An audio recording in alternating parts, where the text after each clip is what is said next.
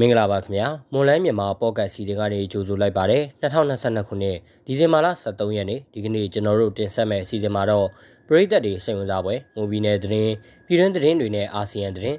သတင်းပေးပို့ချက်တွေအပြင်ပြည်သူတွေသိထားတဲ့နေ့စဉ်ကုန်စည်နှုန်းသတင်းတချို့ကိုအစီအစဉ်ပထမပိုင်းမှာရွေးချယ်ပြီးတော့တင်ဆက်ပြီးတော့မှာဖြစ်ပါတယ်ဒါအပြင်ကြာရင်စိတ်ကြီးကြေးရွာလေးရွာခန့်ကစစ်ဘေးရှောင်တချို့နေရပြန်လာနိုင်ပြီဆိုတဲ့သတင်းပေးပို့ချက်ကိုလည်းတင်ဆက်ပေးပါဦးမယ် ဒီကနေ့စီစဉ်မှုကတော့ကျွန်တော်ခက်မြတ်သူကတာဝန်ယူတင်ဆက်ပေးတော့မှာဖြစ်ပြီးကျွန်တော်နဲ့အတူမိမေရမုံကသတင်းတွေကိုကူညီဖတ်ကြားပေးတော့မှာပါ။နားဆင်ကြတဲ့ပရိသတ်အားလုံးကိုမင်္ဂလာပါလို့နှုတ်ခွန်းဆက်တာပါရစေ။ကျွန်မမိမေရမုံကကိုခက်မြတ်သူနဲ့တူကူညီတင်ဆက်ပေးတော့မှာပါ။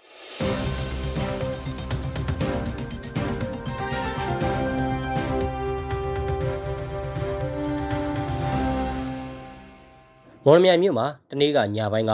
ဆိုင်ကယ်ကယ်ရီသမားနဲ့အမျိုးသမီးတဦးကိုလေပင်ဓာတ်နဲ့လှီးပြီးဆိုင်ကယ်လူရက်သွားတဲ့ဖြစ်စဉ်ရှိခဲ့တယ်လို့သိရပါတယ်။အဲ့ဒီဖြစ်စဉ်ဟာတနေ့ကည7:00နာရီခန့်ကမော်လမြိုင်မြို့တာယာအေးအုပ်ဖို့လမ်းမအရောက်မှာဖြစ်ပွားခဲ့တာပါ။ဆိုင်ကယ်ကယ်ရီသမားခရီးသည်အမျိုးသားနဲ့အမျိုးသမီးတို့၃ဦးလိုက်လာတဲ့ဆိုင်ကယ်မှာခရီးသည်အမျိုးသားကကြက်2ဦးကိုဓာတ်နဲ့တိုက်ခိုက်ပြီးလူရက်သွားတာလို့သိရပါတယ်။ ဆိုင်ကယ်ကယ်ရီသမားဟာရင်ဘတ်ပြက်ရှဒဏ်ရာလေပင်ထိုးသွင်းဒဏ်ရာတွေရရှိသွားပြီးဆိုင်ကယ်မှာလိုက်ပါလာတဲ့အမျိုးသမီးကတော့လေပင်ပြက်ရှဒဏ်ရာတွေရရှိသွားတယ်လို့သိရပါတယ်။လူရဲသူဟာ Honda Alpha အမျိုးအစားဆိုင်ကယ်ကိုယူဆောင်သွားပြီးဒဏ်ရာရရှိသူ2ဦးကိုလမ်းမဆွန့်ပစ်ထားခဲ့တာဖြစ်ပါတယ်။လက်ရှိမှာတော့အဲ့ဒီဓာတ်ဒဏ်ရာရရှိသူ2ဦးဟာမော်လမြိုင်ဆေးရုံကြီးမှာဆေးကူးသမှုခံယူနေတယ်လို့သိရပါတယ်။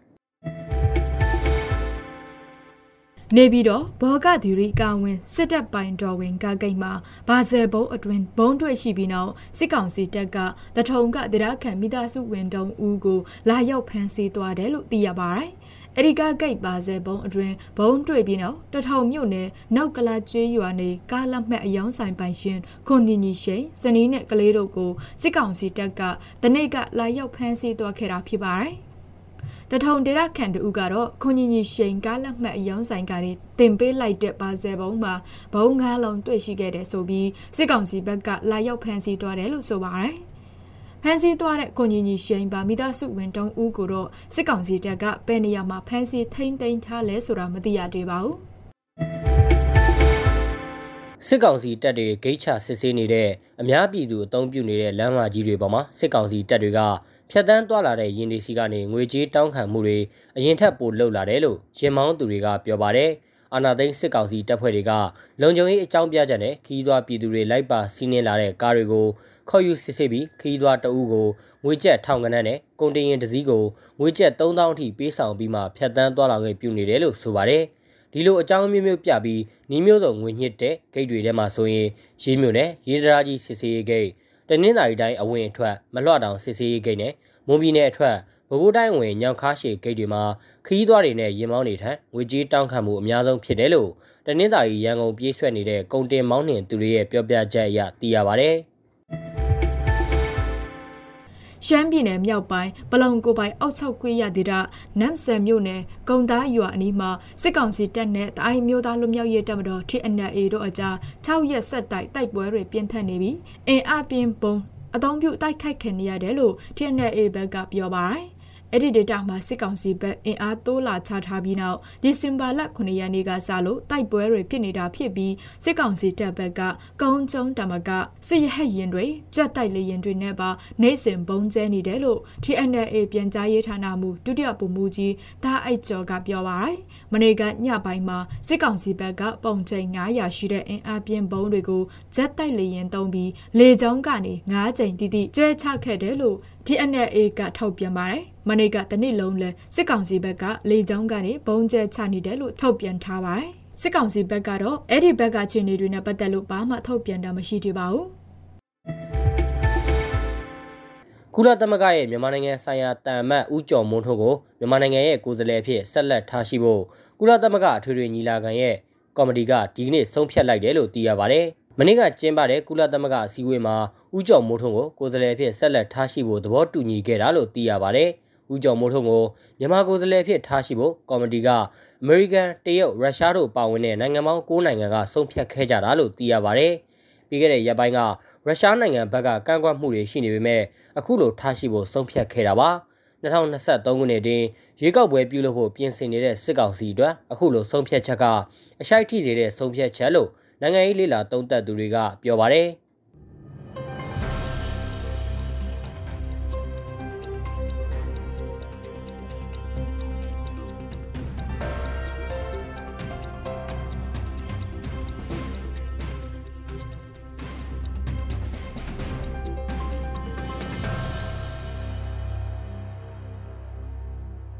ဆက်လက်ပြီးတော့ပြည်သူတွေတိထားတဲ့နေ့စဉ်ကုန်စည်နှုန်းသတင်းတချို့ကိုမော်လမြိုင်ကုန်စည်တန်ကအချက်လက်တွေကိုခြေခံပြီးကျွန်တော်ခန့်မှန်းသူကတင်ဆက်ပေးပါဦးမယ်။ဒီကနေ့ထိုင်းနဲ့မြန်မာငွေလဲနှုန်းကတော့ထိုင်းဘတ်89.1ခုဝယ်ဈေးရှိပြီးရောင်းဈေးကတော့81.62ရှိနေပါတယ်။ဒေါ်လာဈေးကတော့အမေရိကန်ဒေါ်လာကိုဝယ်ဈေးမြန်မာငွေ2810ရှိပြီးရောင်းဈေးကတော့2830ရှိပါတယ်။ရွှေဈေးနှုန်းကတော့မီလီ16ပဲတစ်ချက်သားကိုရန်ကုန်ရွှေဈေးဒီကနေ့ဈေးကွက်မှာ 21သိန်း2900ရှိနေပြီးအပြင်ပေါက်ဈေး26သိန်းအထက်မှာရှိနေပါတယ်။73စီဈေးတွေကတော့ဒီဇယ်1လီတာကို2185ကျပ်အောက်တိန်92တလီတာကို1845ကျပ်နဲ့95တလီတာကို1940အထိရှိနေပါတယ်။စာဈေးနှုန်းကတော့အကောင်းစားပေါ်ဆက်မွေအမြင့်ဆုံးကို99,500ကျပ်အလဲလက်တန်းဆန်မျိုးစားပေါ်ကျွဲတဲ့အနိုင်ဆုံးကို9100ကျပ်နဲ့အမထဆန်တွေကတော့108ပေါင်အနိုင်ဆုံးကို4000ကျပ်နဲ့ အမြင့်ဆုံးကို4300ကျပ်အထိရှိနေပါတယ်။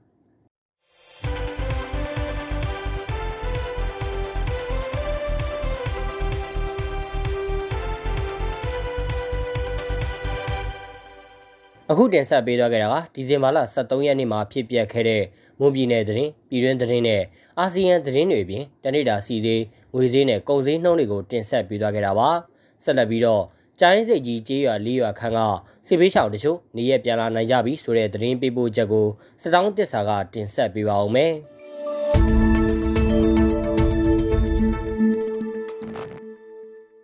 စစ်ရေးလှုပ်ရှားမှုနဲ့လက်နက်ကြီးပစ်ခတ်မှုတွေကြောင့်နိုဝင်ဘာလကောင်ပိုင်းမှာကျိုင်းစိတ်ကြီးမြို့နယ်တကွန်တန်ရွာနန်တိုင်ထွန်ကျေးရွာပလိုင်ကျေးရွာစားတဲ့ကျေးရွာတွေကတရက်ခံတွေဟာ OPN ပြစ်စုခွာပြေးရှောင်ကြရပါတယ်။ လောလောဆယ်တည်ငြိမ်စပြုလာတာမို့ဒေရခန်တချို့နေရပြန်လာနိုင်ပြီလို့တကွန်နိုင်ရွာခန်တို့ကခုလိုပြောပါတယ်ကျမတို့ဒီဘက်ရက်ကွယ်ကြတော့နည်းနည်းပြန်လာကြတော့ဗောနော်အားလုံးတော့မဟုတ်ဘူးတချို့ကတော်ရုံချက်ချင်းထပ်ပြေလို့ထပ်သွားလို့မရတဲ့လူတွေကြတော့ပြန်မလာကြဘူးပေါ့မျိုးဆွေတွေရှိတဲ့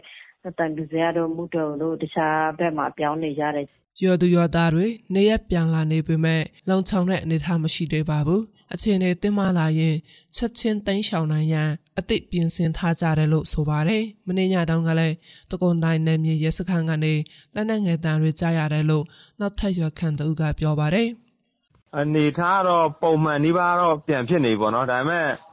အခုဒီဒိုနိုင်နယ်မြေရဲစခန်းကပဲပေါ့လက်ရှိ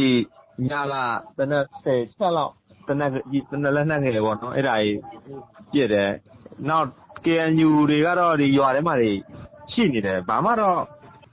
ဟိုဘယ်လိုလဲစစ်ရေးအနေထားမတွေ့ဘူးလူပဲနေနေကြတာတော့ တွေ့တယ် ခုနပြောတဲ့ လုံခြုံမှုပိုင်းကတော့ငကိုကလည်း ဒီလိုပဲဆိုတော့ ဒီလိုပဲပေါ့ စစ်ကောင်စီတပ်တွေဟာ နိုဝင်ဘာ29ရက်နေ့ကစလို့မုံမီနယ်မူထောင်မြို့နယ်နဲ့ ကရင်ပြည်နယ်ကျိုင်းဆက်ကြီးမြို့နယ်နဲ့ဆက်ဖြစ်တဲ့ အပိတ်ခလဲတကွန်တိုင်းလန်ကနေ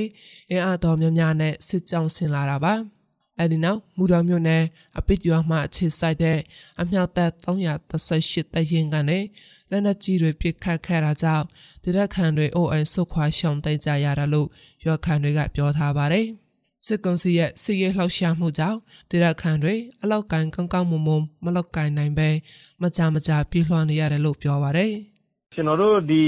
ဒေသရဲ့အဓိကဝင်ငွေကတော့ရာဘာဖြစ်တယ်ဆိုတော့ကျွန်တော်တို့ပြေးနေလွှားနေတယ်ဆိုတော့ခါနှစ်တိုင်းနဲ့မတူဘူးပေါ့ကျွန်တော်ချစ်ရက်တွေကမရှိဘူးသွားမယ်ဆိုရင်ရာဘာမချစ်ရတော့ဝင်ငွေမရှိဘူးပေါ့ဝင်ငွေမရှိတော့နောက်ဆက်တွဲတော့အများကြီးပေါ့ပြောရရင်တော့ဒီတနက်တန်တိုက်ပွဲမဖြစ်ဘူးဆိုတော့စိုးရင်စိတ်တွေ